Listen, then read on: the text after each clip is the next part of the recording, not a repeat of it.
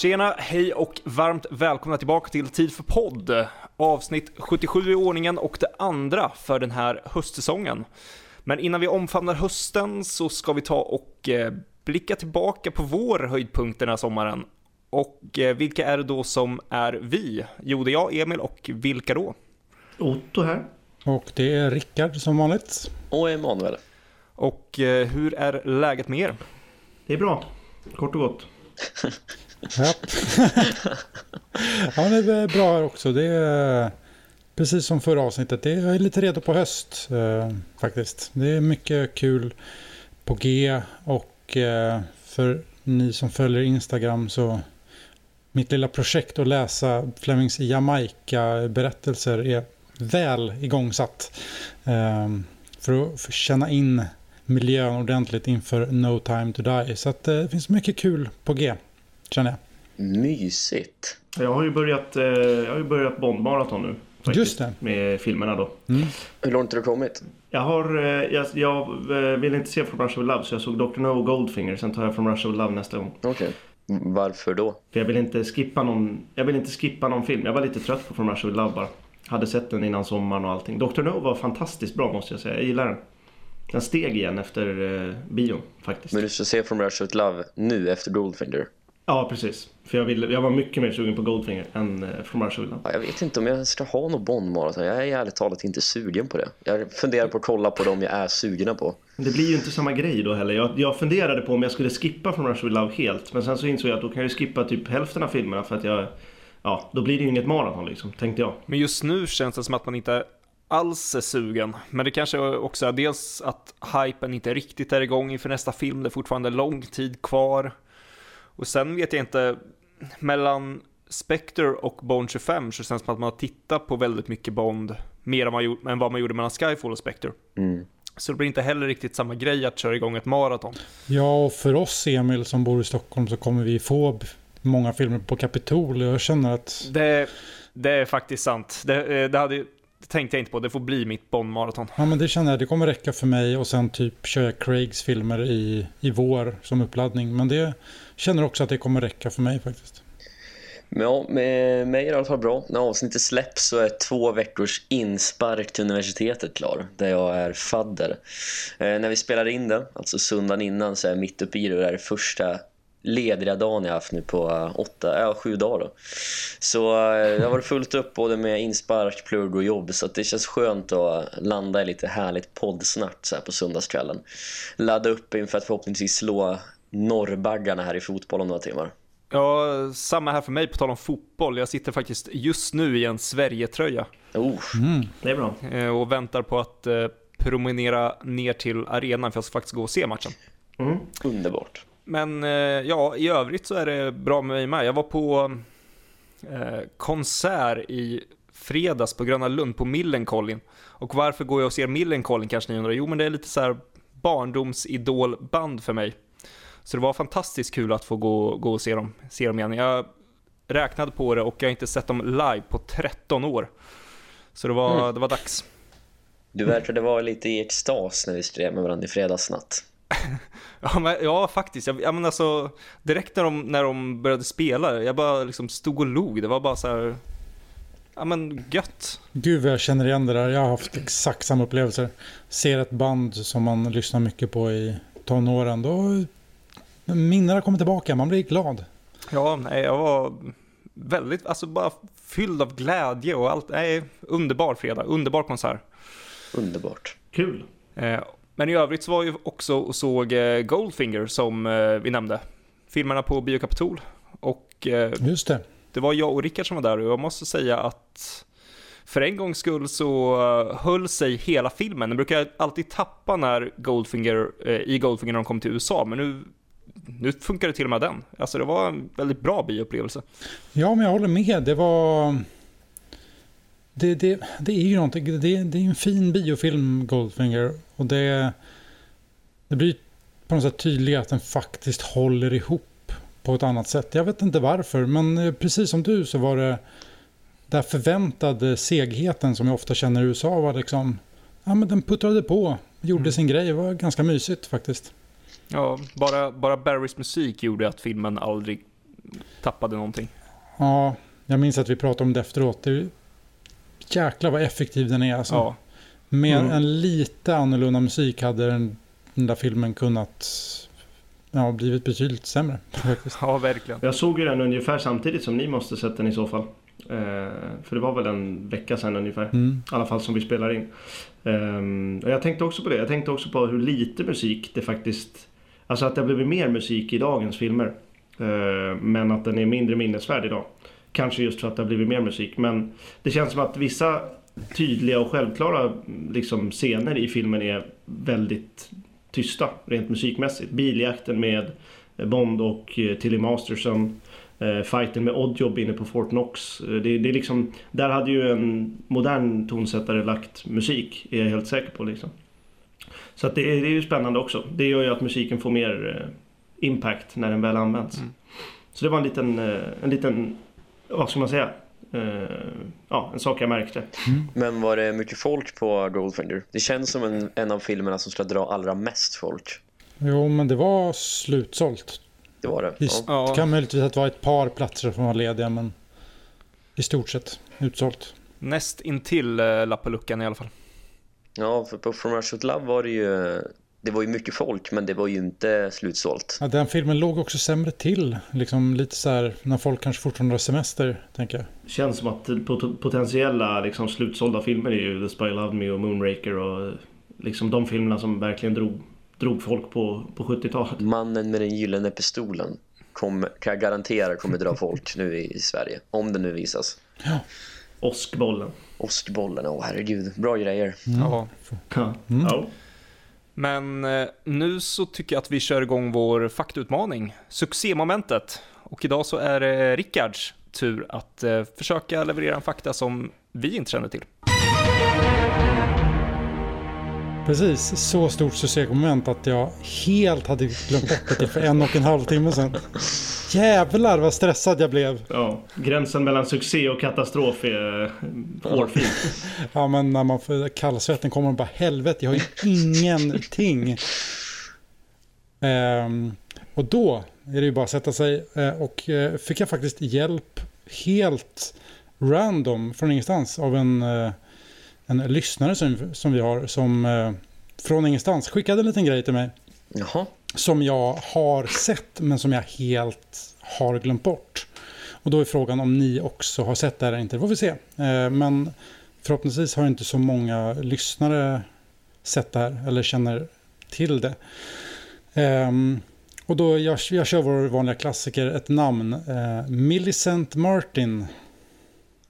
Eh, nej. Millicent Martin. Är det ens en man, en kvinna? I all... Ja, ens det fattar man inte. Hon eh, är, eller var, eh, jag vet inte hur aktiv hon är längre, men hon är i alla fall en brittisk skådespelare och komiker. Som har gjort lite allt möjligt med mycket på tv. Och hon hade en egen tv-serie mellan 1964 och 1966. Som, jag har inte hittat jättemycket om liksom själva serien, men det verkar vara typ en sketch-serie, humorserie, sketch, i sketchform.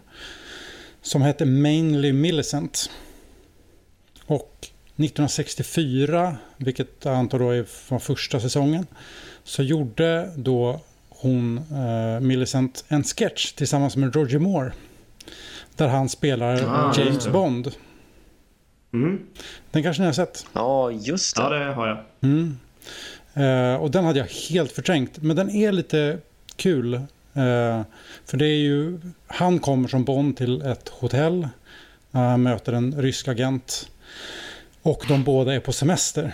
Ja, nu, nu kommer jag på vilken det var. Fortsätt. Ja, den är, den är ju fantastisk. Ja men den är faktiskt, den är faktiskt väldigt, väldigt rolig. Eh, de skämtar om liksom Can a spy be on vacation? Så undrar de vem som spionerar på vem och de litar inte på varandra. Det, det, Moore har väldigt bra komisk timing i den sketchen. Eh, och spelar ju Bond faktiskt rätt likt som det sen ändå skulle bli. Även om det är mer uppenbart komik i den här sketchen. Mm. Eh, han slår ner en, eh, en servitör och skriker waiter, bring me another waiter. ja, det är kul. Den är, den är bra ändå. Eh, jag, till eh, er lyssnare som nog inte känner igen det här så eh, rekommenderar jag att leta upp det på YouTube. Roger Moore, Vi kan ju lägga upp det på, på vår Facebook-sida. det kan vi också göra. Absolut. Och det är ju lite intressant att det här är väl enda gången Roger Moore som Bond omnämner Spectre också vid namn. För jag har för mig att de pratar om Spectre där. Ja, Precis, jag skrev faktiskt upp det. Han skrev That time in Casablanca when Spectre were after the both of us. What happened to you? Jag, när jag var liten, eller ganska långt upp i åldrarna liksom, så trodde jag att det här var en scen från Helgonet. För att det var lite samma stuk på det liksom. Det kan jag förstå. Ja, Ja, det är rätt likt. Ehm, Jag tänkte ju inte på att de nämnde Bond just, men jag tänkte, det, var liksom, det kändes som att det var samma, i samma sfär som Helgonet på något sätt. I alla fall de svartvita avsnitten. Mm. Eh, Så att, ehm, ja. Det, var, det är min re- recollection förutom att det är en väldigt underhållande sketch. Ja, men då- det man slås av i det här klippet och i många andra klipp med Roger Moore från den här tiden det är ju vilken rå karisma den mannen satt på. Eh, Även om det är en förmodad lågbudgetscen i någon komisk tv-show så han går ju in 110% och bara skiner. Det är ju, han är ju, eller han var ju otrolig på det sättet att han, han älskade verkligen allt han gjorde. Ja, det känns ju också som att han var ju den det har vi nog sagt eh, några gånger i... Det är svårt att hålla koll på allt man har sagt i de här 77 avsnitten eller 76. Men han var ju den, den som på förhand var Bond först liksom. Av alla. Innan de blev Bond egentligen. Han var ju den mest självklart lysande. Precis, det blir ju... Det är svårt att säga någon annan. Ja, precis. Det blir ju rätt tydligt också när man ser det här att redan 1964 så hade liksom folk liksom i branschen tänkte på honom som ja, men han kan ju komma in och få spela en komisk Bond. Liksom. Mm. Ja. Eh, så det är inte så konstigt att han 1973 faktiskt sen också får rollen. Mm. Nej, verkligen inte. Ja, vill man vara elak mot, eh, mot Roger Moores era så, och den riktningen det gick i så kan man ju tycka att det är lite humoristiskt att han eh, första gången han får spela Bond är just i ett humorprogram och sen så blir hans filmer så pass humoristiska. Sant. Att det någonstans är satir på, på Bond från första början som ja, det, ja, där han spelar Bond första gången. Fast nu blir jag lite sugen på att kolla på typ eh, The Man with the Golden Gun eller Live and Let Die eller något. Känns... Ja, det var därför jag, var därför jag ville hoppa till... Eh, egentligen så ville jag ju se Live and Let Die eller The Spy Loved Me eller Gyllene Pistolen i mitt maraton. Men jag kan inte hoppa så långt, då blir det, då blir det tokigt. För jag, men jag var jävligt sugen på Moore bara överhuvudtaget. Det var länge sedan jag såg Moore tycker jag. Ja, men de filmerna är så mysiga. De, de vaggar in en i någon härlig känsla av trygghet bara. Ja, fast sen så blir man också sen när man kommer till Octopus, då blir man trött på Moore. blir man otrygg. Så att då vill man ju ha, då vill man ju ha Goldeneye eller någonting liksom för att fräscha upp skiten. När vi Try Kill kommer då har man somnat redan sedan länge. Ja men alltså, man, det är ju det som är jobbigt med ett Bondmaraton i liksom ordningen de kom. För då är, får man först fem Connery eller sex Connery om man inte tänker på att Lazenby är där. Så får man ju sex Connery på rad i princip och sen får man sju Moore på rad. Och då är man ju liksom mör så inåt helvete när väl Dalton och Brosnan kommer. Och... Ja, jag menar det, det räcker ju bara med att tänka på när vi faktiskt gjorde recensionsavsnitten. När vi skulle recensera View to Kill så ville alla bara, alla bara sjunka genom golvet. Ja. Har ni någon gång testat på ett regelrätt Bond-maraton? Alltså alla filmer i ett Ja. svep. Under så pass kort tid som möjligt. Alltså e- efter att Dr. No slutade ni direkt i From Russia With Love. Nej. Jag och en kompis kom. försökte oss på det för, ja det är kanske 6-7 år sedan. Det var ju alltså efter Thunderball då var det, ska vi göra någonting annat? Alltså då är man ju helt, då är man mätt på Bond för Ja. lång tid framöver. Då har man liksom 17 filmer kvar eller hur många det var då när du, när du kollade. Jag tror det var typ 2012 eller något sånt där. In, inför Skyfall, ja. Ja, 19. Fy fan. Men det, är det längsta maraton jag har haft är ju Rocky-maraton. Alla Rocky-filmer från 12 till 12 typ. Hade inte ni ett Jönssonliga-maraton? Ja, Jo, det hade vi men det var inte Ja, det var- en dag. två... Hur många dagar körde vi det på? Vi klämde ju tre... Tre... tre Tre, tre dagar tror jag det var. Annars har ju vi ett full frysmaraton på uh, nyårsdagen. för jag för mig att vi klämde tre filmer någon dag i alla fall. Och sen eh, sista dagen körde vi två filmer. Och sen, hur många filmer blir kvar? Fyra filmer, tre filmer. Men nu tycker jag att vi skiter i maraton. Ja. Och eh, Skit i Roger Moore. vi skiter i allt det där. Eh, som ni säkert vet så var vi ju i Wien i somras. Så vi hade faktiskt tänkt att göra ett helt avsnitt bara om vår vinresa och lite dos and don'ts och eh, vad vi gjorde. Så det har helt enkelt blivit tid för vin och gasklockor.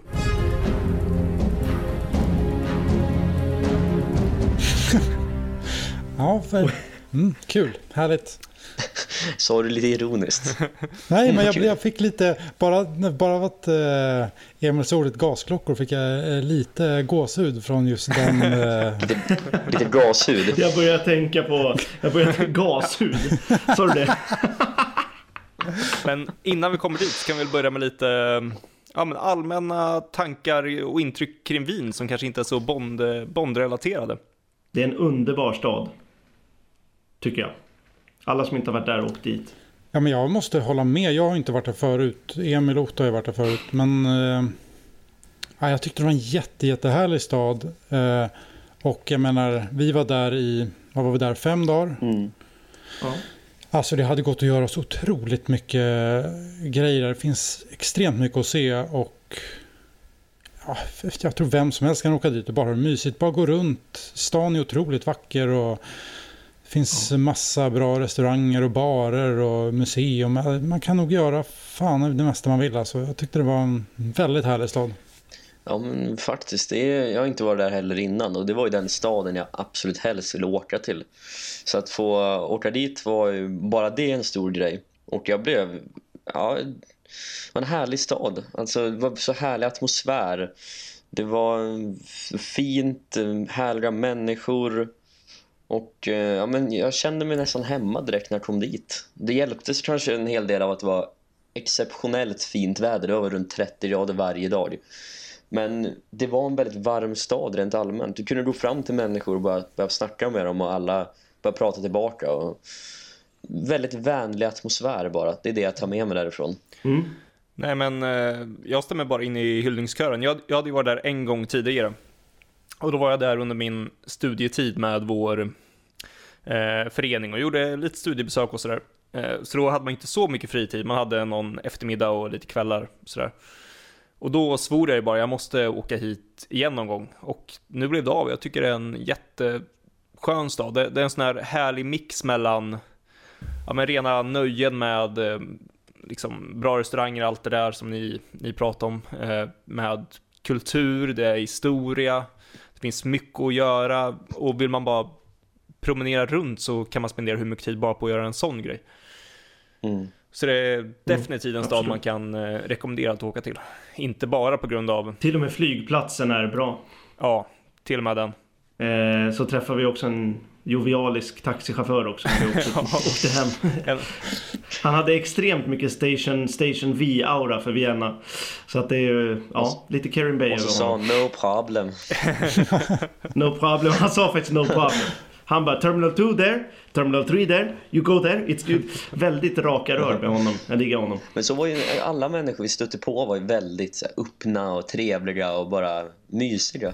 Mm. Det är någonting med Central- och Sydeuropa som gör att det är väldigt mer avslappnat än vad det är i, i norra Europa. ja, men det är så folk Ja. har lite mera, liksom, jag vet inte, livsglädje eller något än vad vi i Sverige har. Absolut. Ja, men lite mera, ta- tar, tar inte livet på så jävla stort allvar. Jag och Anton träffade på en, eh, en man sista kvällen när jag och han gick ut och skulle ta någon, eh, någon bärs på något ställe. Wolfgang tror jag han hette. Han, han jobbade i Stuttgart men åkte hem till Wien på kvällarna med flyg. Och han sa åt oss att vi skulle ta vara på livet och att livet var för kort för att bo kvar i Sverige och jag skulle se världen. Och han eh, Mm. så här, satt och gav oss massa livsläxor i hur länge som helst. En fantastisk människa. Sen sa han till oss bara, grabbar nu, nu ska jag ut till flygplatsen igen för jag börjar jobba imorgon bitti igen. Så tog han sin väska och gick därifrån. Det är fan, lever i en suitcase alltså. Ja. Det känns ju som att i Sverige är det ju, för att hårdra det, om man pratar med någon i Sverige då är man ju mentalt sjuk. Men i Syd och Centraleuropa är det ju liksom, då, är det ju, då uppskattas det ju. På ett annat sätt. Jag säger inte att jag tycker om det, men jag säger att jag ser.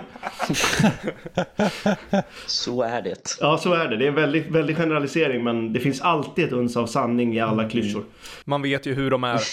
Ja, exakt. Så är det ju. Jag rekommenderar verkligen att alla ska åka till Wien. Jag hade sjukt många som åkte till Wien i somras förresten av eh, min vänskapskrets och folk bara sa att de var i Wien. Gustus, min kompis, var i Wien och sen så var det typ massa från skolan som var i Wien och Ja, de var också det. Det var extrem jävla resurgence för Wien i år. Just i sommar. Det var ju sjukt mycket folk som åkte till Wien. Man eh, kan också lyfta fram då, om vi nu ska bli riktigt så här eh, när, eh, när och fjärran-aktiga, att eh, vi flög dit med Wizz. från Skavsta. Eh, och de har precis startat den linjen, så bor man nära Skavsta så kan man numera flyga riktigt jäkla billigt till Wien. Ja, det var extremt billigt. Och det gick fort också. Ja, Jag ska eh, till, eh, till New York i december och då ska vi mellanlanda i, eh, i Wien. Och då åker vi från Arlanda och då skulle det ta 2.15 från Arlanda och det tog ju 1.35 typ från Skavsta så det är en väsentlig skillnad i tid. ja jo verkligen. Men eh, om vi ska ta och gå in på lite platser som vi besökte då med Bond-koppling. Eh, för vi såg en del. Vi kan väl börja med eh, Karas eh, lägenhet. Vad, eh, vad har vi för intryck och tankar och vad, vad, vad kände ni när ni var där? Jag tycker att det är svårt det där för att när det är för mycket ändrat så kan det vara svårt att liksom få den där riktiga känslan man kanske liksom är ute efter. Men när man väl hittar liksom rätt vinklar och sådär så ser man det verkligen framför sig. Eh, Och någon gång ibland så kommer det gam de, det är inte kanske samma modell spårvagn som i filmen men lite äldre som är betydligt mer lik i filmen och då får man lite så här, oh, nu, nu börjar det likna något, nu börjar det likna något. Nu pirrar det till lite. Ja, men lite grann faktiskt. Men det huset är också lite så här ommålat och sådär va, har jag för mig. Mm. Ja, de har ändrat porten ser inte likadan ut. De har, dels har de eh, färgen eh, på fasaden är ny och sen så har de även byggt om lite på porten och kring fönster och sådär. Den är väl grön i filmen va? Huset. Fasaden menade jag. Ja, det är den väl och sen så är den väl mera Satt jag ju på pottan nu. Satt och kollade på bilder från vår resa för bara ett par timmar sedan, jag minns inte. Fan. Nej, men jag blev lite underväldigad faktiskt av Caras lägenhet. Ehm, Jag vet egentligen inte varför, men det var ju dels att det var så jävla varmt så att man gick bara och gnällde över det. Men också, också att det var, det var, det var väldigt mycket förändrat som du sa Rickard. Och ehm, liksom, det, jag vet inte, det var, det var ju häftigt så. Det var, men det var, det var långt ifrån det bästa vi såg i Wien, tycker jag i alla fall. Ja, men det är ju alltid speciellt det där när man kommer till en plats där de har spelat in en, en Bondfilm. Ehm, och särskilt i ett sånt här fall när det egentligen är bara en helt anspråkslös lägenhetsbyggnad på en gata i, i Wien. Det vet man inte vad det är då missar man det ju bara. Så man måste ju liksom tänka sig in i situationen och då blir det lite mer speciellt. Så jag kände inte jättemycket alls av att se det. Däremot så älskar jag baren i det huset som var precis vid, vid porten vid Klara som hette Urknall där de serverade shots för var det 0,5 euro så satt det någon hårig man med sin hund där inne i baren och satt och såg allmänt öststat ut. Det älskar jag däremot. Då gick jag igång. Ja. Och jag måste säga att jag hade nog kanske snarare den motsatta känslan. Jag hade ju sett den en gång tidigare, det kan jag också säga att alla platser vi besökte den här resan hade jag sett på min tidigare resa. Så jag ser dem nu för andra gången, men jag hade ändå en jäkligt skön känsla vid Karas lägenhet. Och det som ni var inne på där med att man har förändrat. Karas lägenhet tycker jag ändå inte har förändrats så mycket ändå. För det är fortfarande mycket samma eh, området i sig är sig likt. Det är mest bara, ja men fasadfärgen är en annan och porten ser lite annorlunda ut. Men området i stort ser väldigt liknande ut. Så när man står där kan man verkligen leva sig in i scenen. Man kan verkligen tänka att de sitter där vid bilen, sitter och kollar upp mot fönstren. Alltså, man får, jag har väl verkligen lätt att leva mig in i filmen när jag står där. Eh, ska man ta det rakt motsatsa, mot, eh, motsatsen när det kommer till förändring så är ju spårvagnsstationen som bara ligger runt hörnet. Där är det ju förändrat för mycket för att man ska kunna leva sig in i filmen. För där har de byggt upp ett stort hus precis framför själva stationsbyggnaden som gör att hela området är ju bara förändrat. Ja, där, där var det nästan lite nästan svårt att liksom se filmen framför sig. Tyckte jag i alla fall. Ja, exakt, för där, där, måste man verkligen, där måste man verkligen tänka bort ett helt, ett helt hus.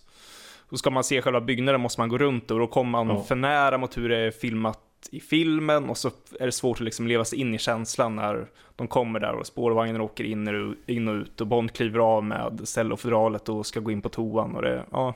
Nej, precis. Det lämnade inte heller någonting alls faktiskt. Eh, Man kan ju, de här gröna toalettdörr, eller dörrarna till, till toaletten där, det var mer speciellt däremot. Då var det lite, oj jäklar, här är de.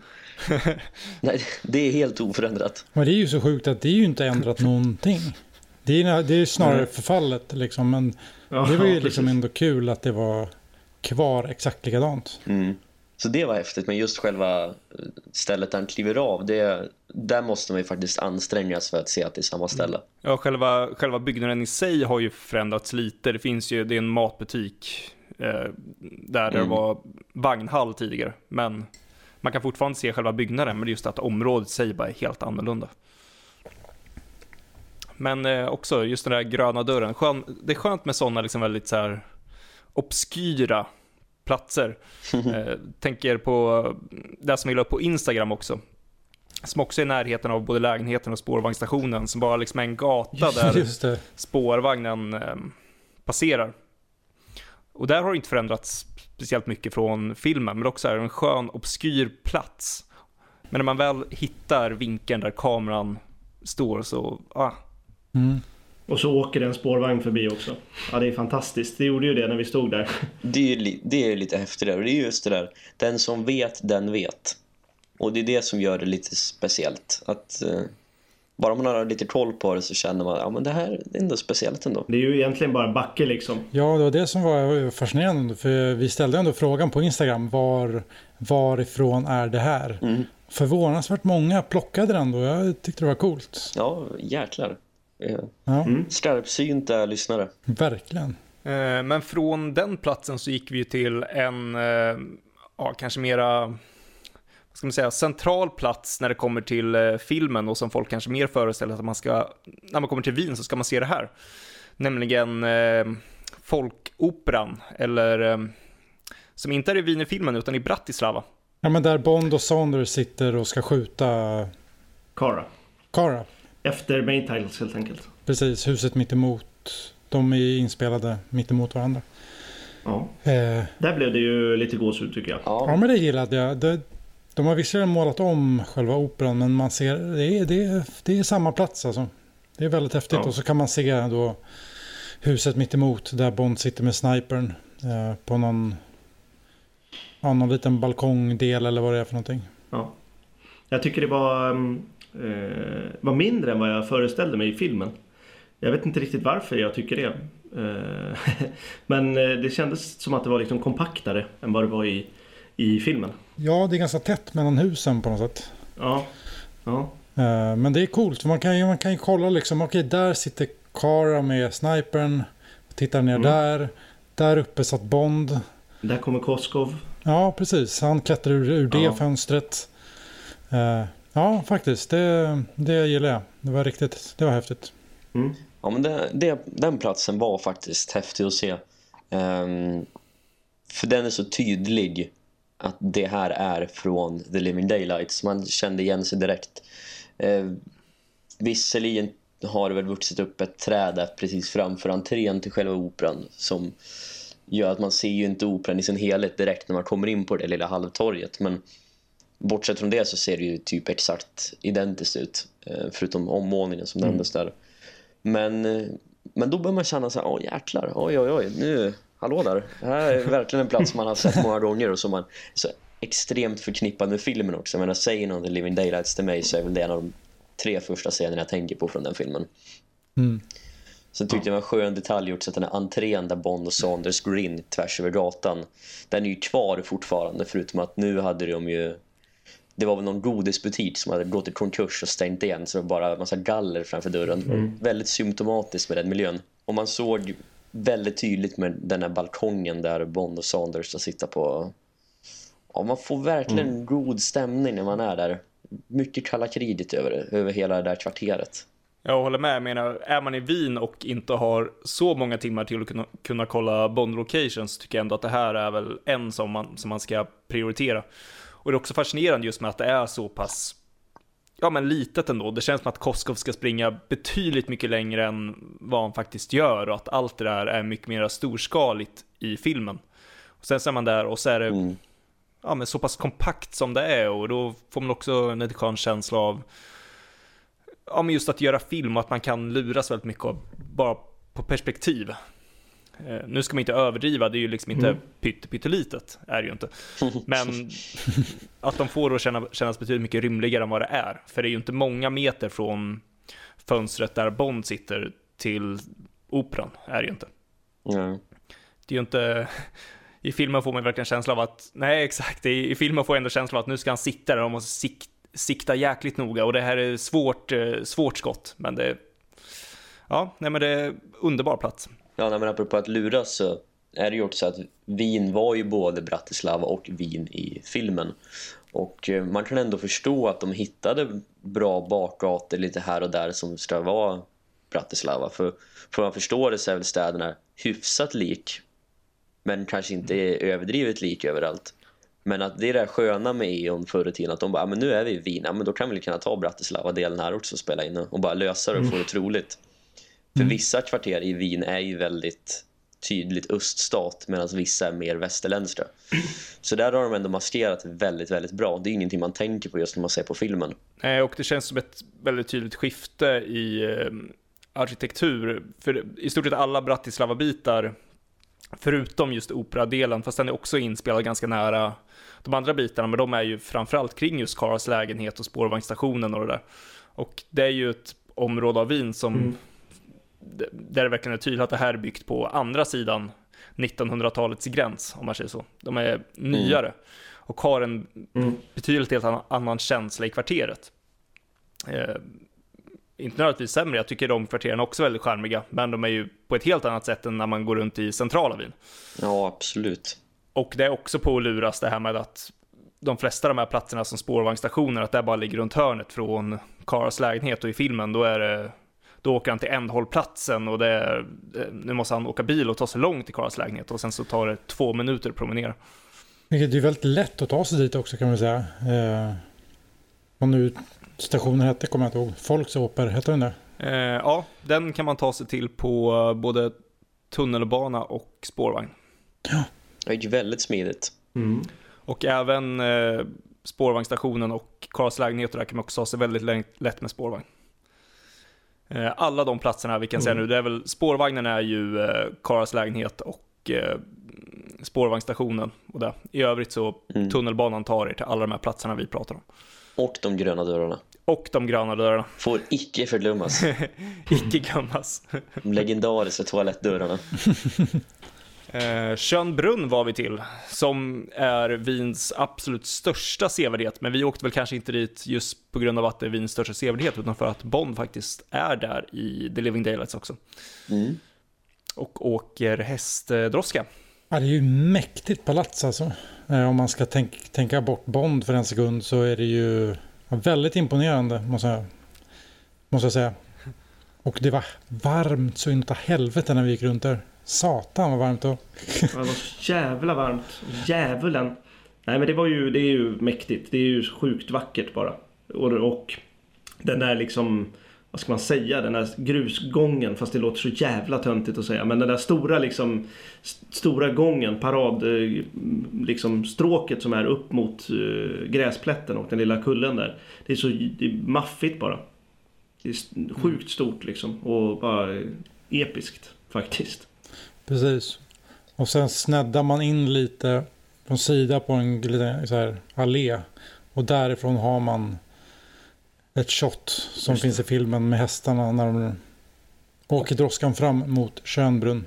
Och där måste jag säga att där hade jag min största överraskning den här resan. Och där gick du igång. Ja, förvånansvärt mycket. Jag funderade ju på om jag skulle skippa Schönbrunn, för det ligger en liten bit ut från Wien, så jag funderade på, ja, men vad fasen ska jag...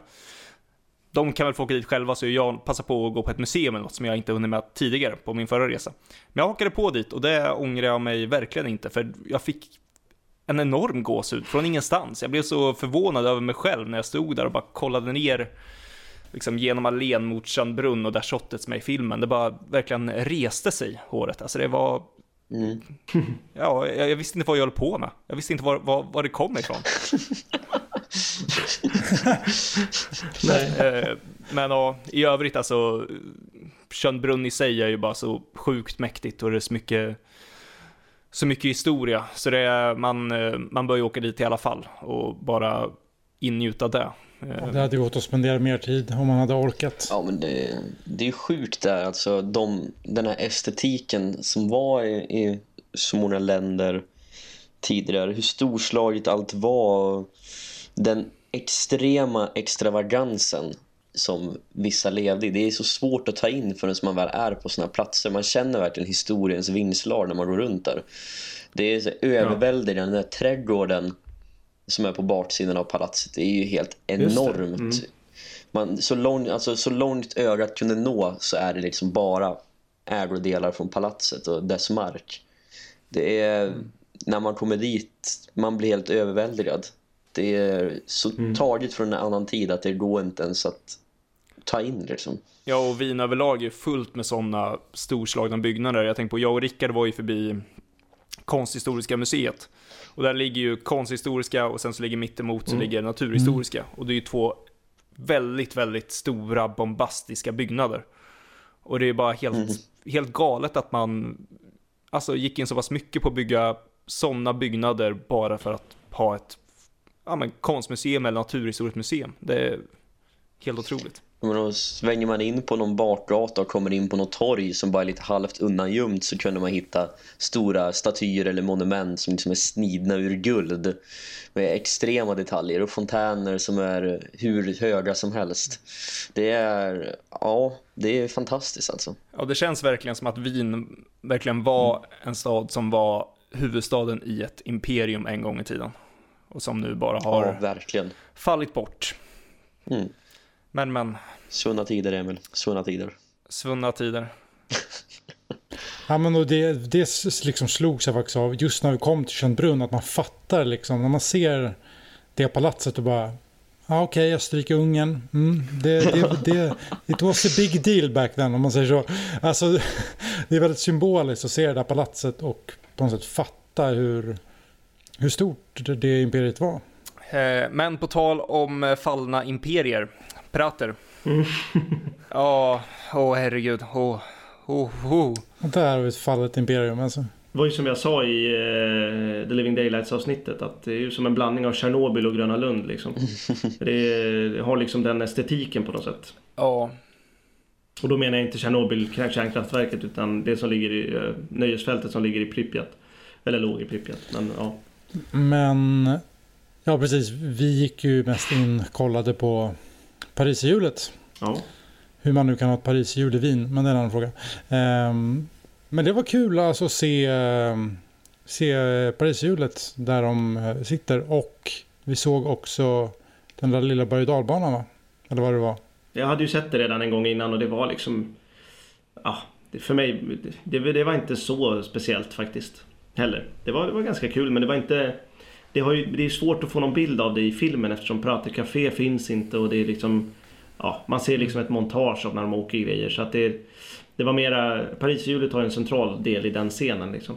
Ja, och väldigt mycket av det som är på Praten är väl också inspelat i Pinewood om jag inte minns helt fel. Så det är ju liksom... Mm. Ja, precis. Det finns inte så mycket att se där och det har förändrats så pass mycket. Man kan inte riktigt orientera sig och känna igen sig i filmen så det är... Ja. Nej det, det, är väl en sån grej, har man tid över, sväng, sväng förbi. Men Bond, eh, ja. på Bond-skalan över sevärdheter så hamnar den ju ganska långt ner. Mm, det är fri entré kan vi ju säga. Ja. Ja, men härlig stämning eh, återigen där på praten med gratis entré, kunde sätta sig och ta en korv och dricka Jägermeister för lite och ingenting och bara gå runt barnfamiljer där och åt lite karuseller och så gubbar som sitter och blir fulla. Det, så ser man, sånt ser man inte på Gröna Lund direkt. nej, nej. Och sen, sen vet jag inte riktigt vad jag hade för förväntningar på praten heller. För jag menar, The Third Man som är inspelad där med Orson Welles, den, det är en ganska viktig scen i det där Paris i julet.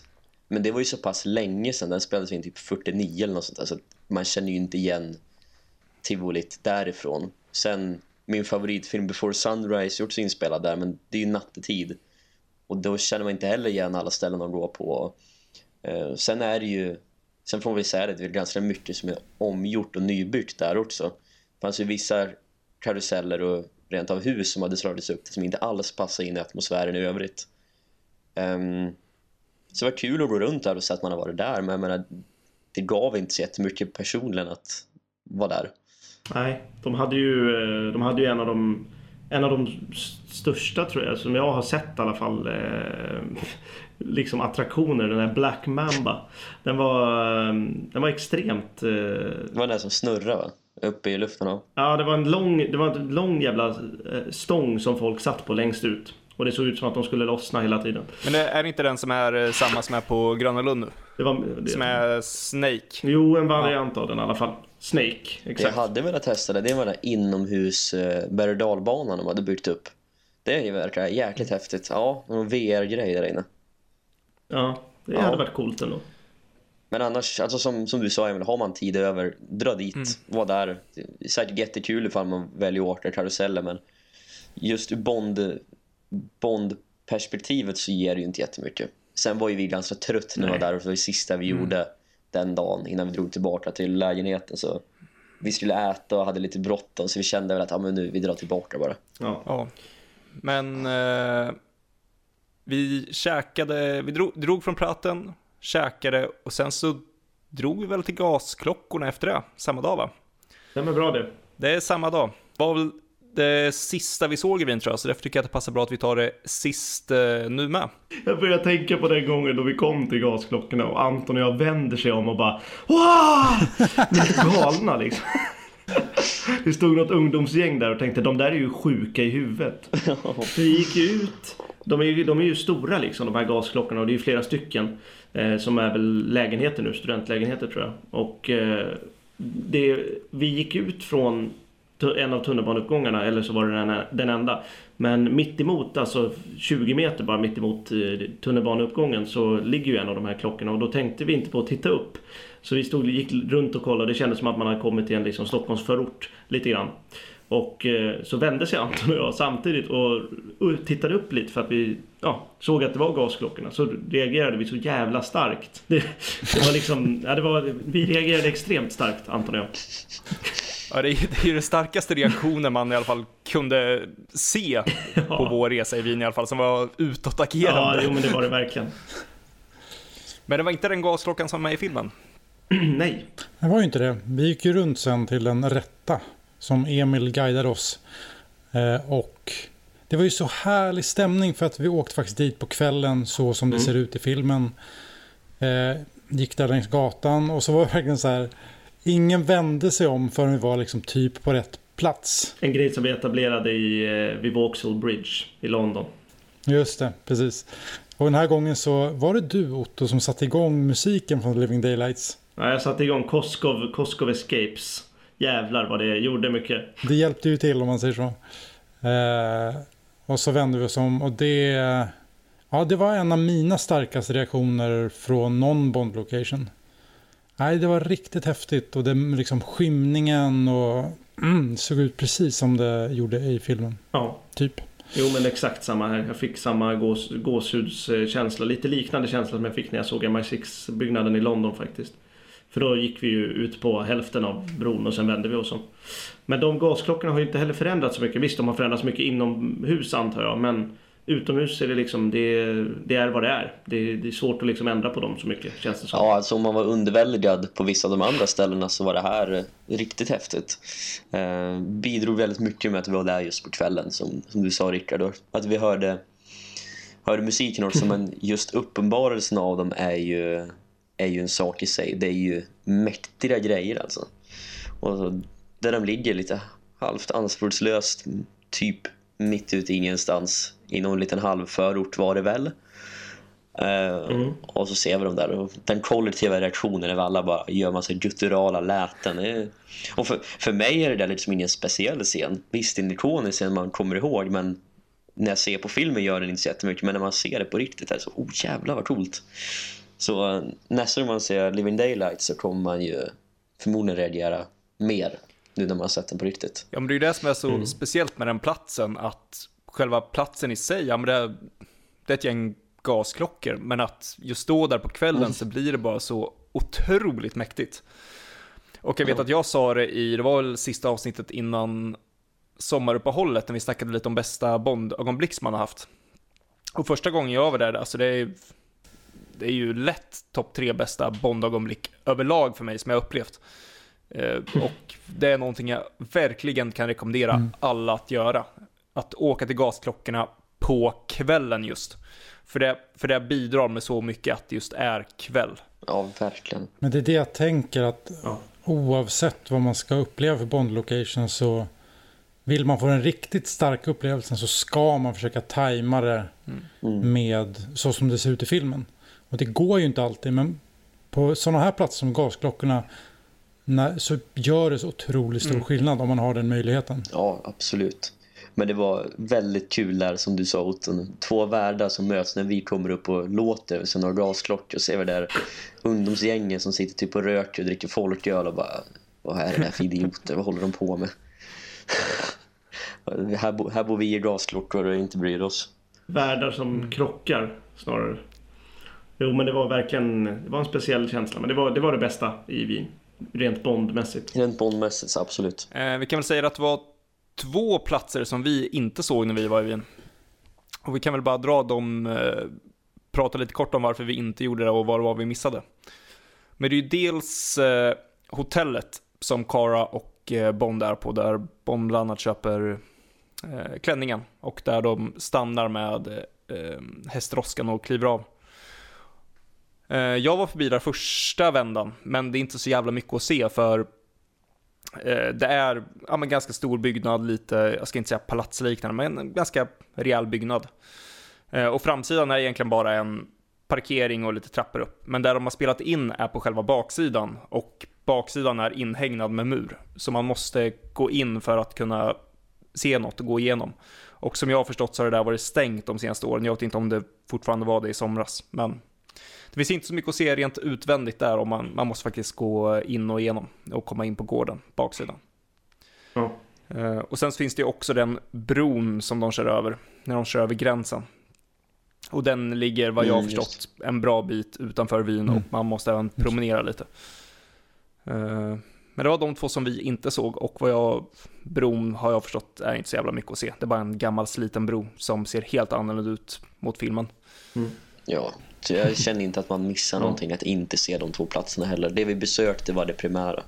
Ja, exakt.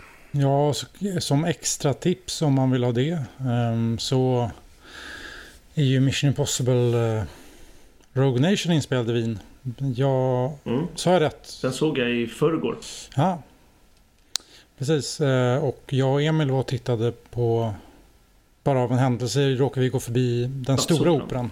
Japp, eh, om man vill, om man gillar, finns det några lyssnare som gillar Mission Impossible? Ja. kan man göra det? Ja, och jag, jag, gick, jag gick omkring och försökte hitta var någonstans bilen sprängdes från filmen. På tal om det just med att luras på film, för jag kunde verkligen, jag hade skitsvårt att identifiera platsen. ja. Bara på att vara där. Ja, det är jävla filmer. Ja, jävla filmer. Eh, ja, nej men jag... Eh, jag tyckte det var, det var en bra stad bara överlag alltså. Jag gillar Wien. Jag har ju också varit där två gånger som, som Emil. Eh, så att ja, jag käkade också en ja, topp 10 bästa hamburgarna i livet jag har ätit åt jag där också i Wien. På eh, Pickwicks. Det heter, eh, det var väl en, det är ingen kedja va? Det är väl en bar bara. Pub Ja. som ligger där. Mysig som fan. Det känns som Fleming skulle vilja ha suttit där. Ja, Eh, så att eh, Pickwicks, eh, ja. extremt anspråkslös. ja, det känns ju inte så mycket för världen. De har en bra uteservering och en inneservering. Och det var, de hade, ni åt väl någon schnitzel och Mm, det var väldigt bra. Ja, det var gott alltså. Mm. hamburgaren var extremt god. Den var oväntat god. Det var du och jag Emil som, som tog burgare. Och det var, det var, det var liksom, eftersom det var just ett Mm. anspråkslöst ställe så förväntar man sig ju en liksom Sibylla Solna korvburgare liksom.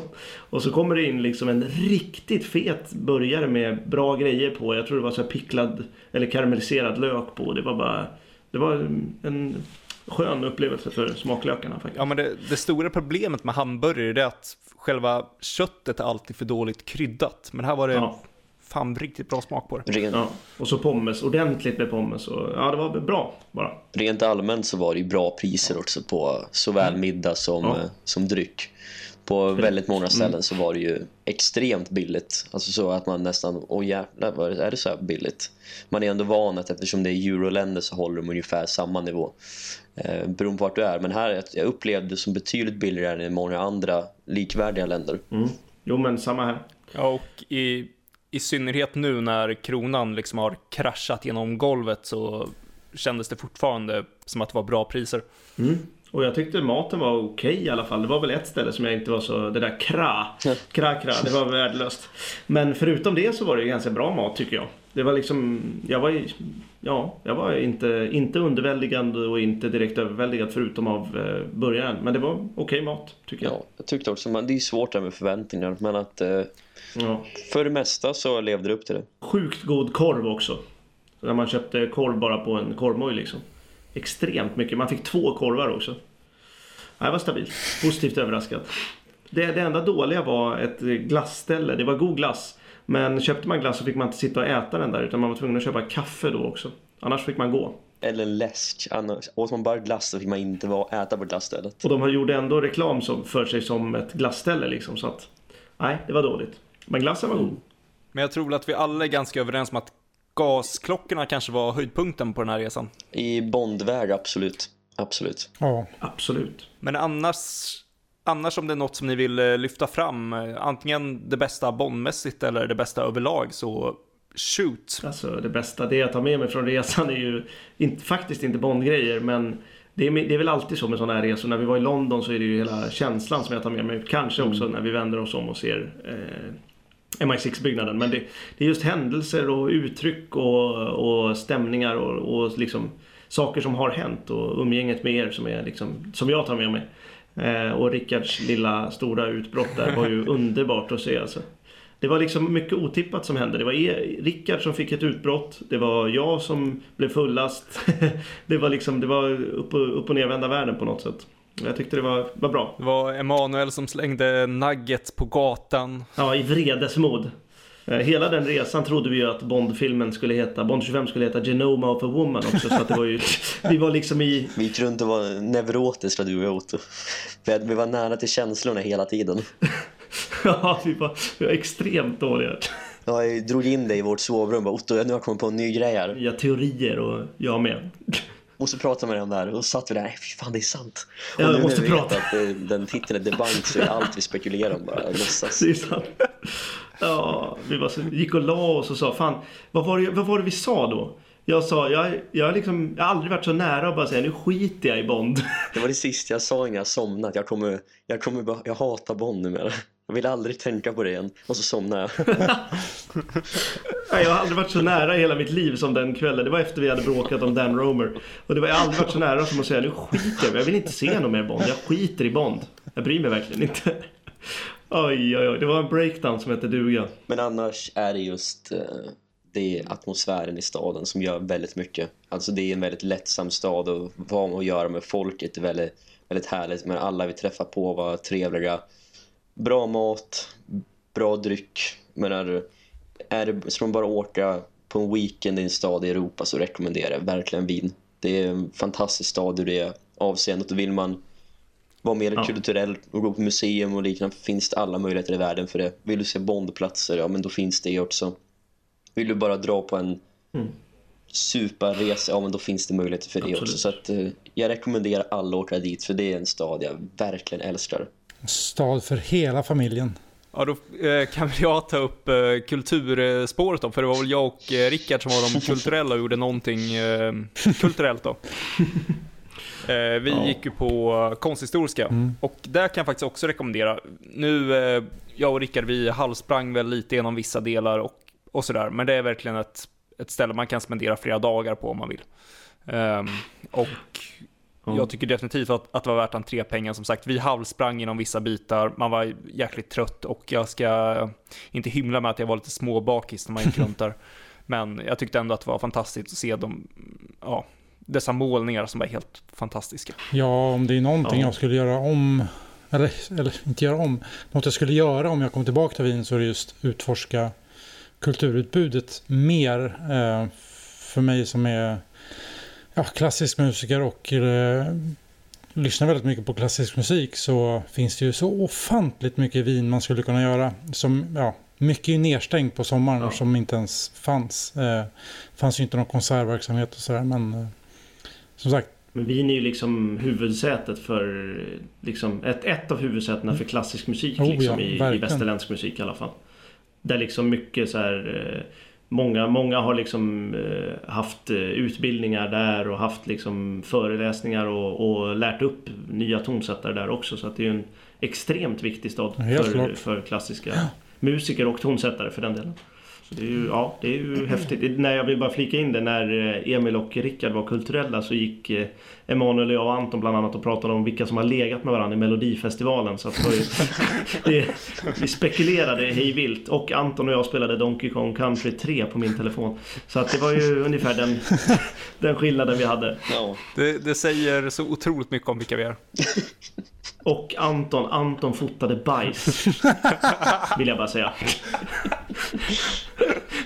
Det är helt sant. Och, och, och färglade den bilden svart och vit så att det såg ut som en jävla lakritssorbet som låg i. måste faktiskt rätta det Otto, det var jag som färglade den. Ja, det var jag som färglade Han tog den och jag färglade den. Ja, var det du som färglade? Okej, förlåt. Och det här är, det här är anledningen till att Anton inte får vara med i podden. Han får klippa. Nej, men det var extremt. Det, det var det sämsta med vin. Toaletterna är formade av något idiothuvud som inte liksom kan design. För det var liksom, det var ett väldigt litet hål där vattnet ska liksom rinna ner och allt man liksom gör, av- gör sig av med. Och sen så var det en stor jävla platå där allt lägger sig som jävla crème brûlée rakt upp tillbaka in i kroppen liksom. Det blir, det blir ju så jävla... Och hålet är liksom längst fram och inte längst bak. Det är liksom spe... Exakt. Hålet är speg... Alltså... Ja, I Sverige, i, Sverige är det ju, I Sverige är det ju trattformat av en god anledning liksom. Där var det som en liten så här, en, en klack på en sko ungefär. Och, det är så jävla konstigt. För bajsar man mer än liksom två milligram så får man ju tillbaka det upp i kroppen. Det är så jävla konstigt. Det är, det är så jävla idiotiskt. Det är så konstigt bara. Varför gör man det? Har de aldrig sett en toalett förut eller vadå? Jag minns när vi kom tillbaka till Stockholm och jag, jag sov hemma hos dig och du, det första du sa var Fan vad skönt att ha en svensk toalett som ser normal ut. Ja, ja jag vet. Ja, men det är så, ja, det, ja, det är någonting som, två saker som jag stör mig på det nu. Det är hur, hur danskarna räknar och hur vinska toaletter ser ut. Herregud. Så att det, ja, det, det, det var märkligt bara. på resor så får man uppleva mycket.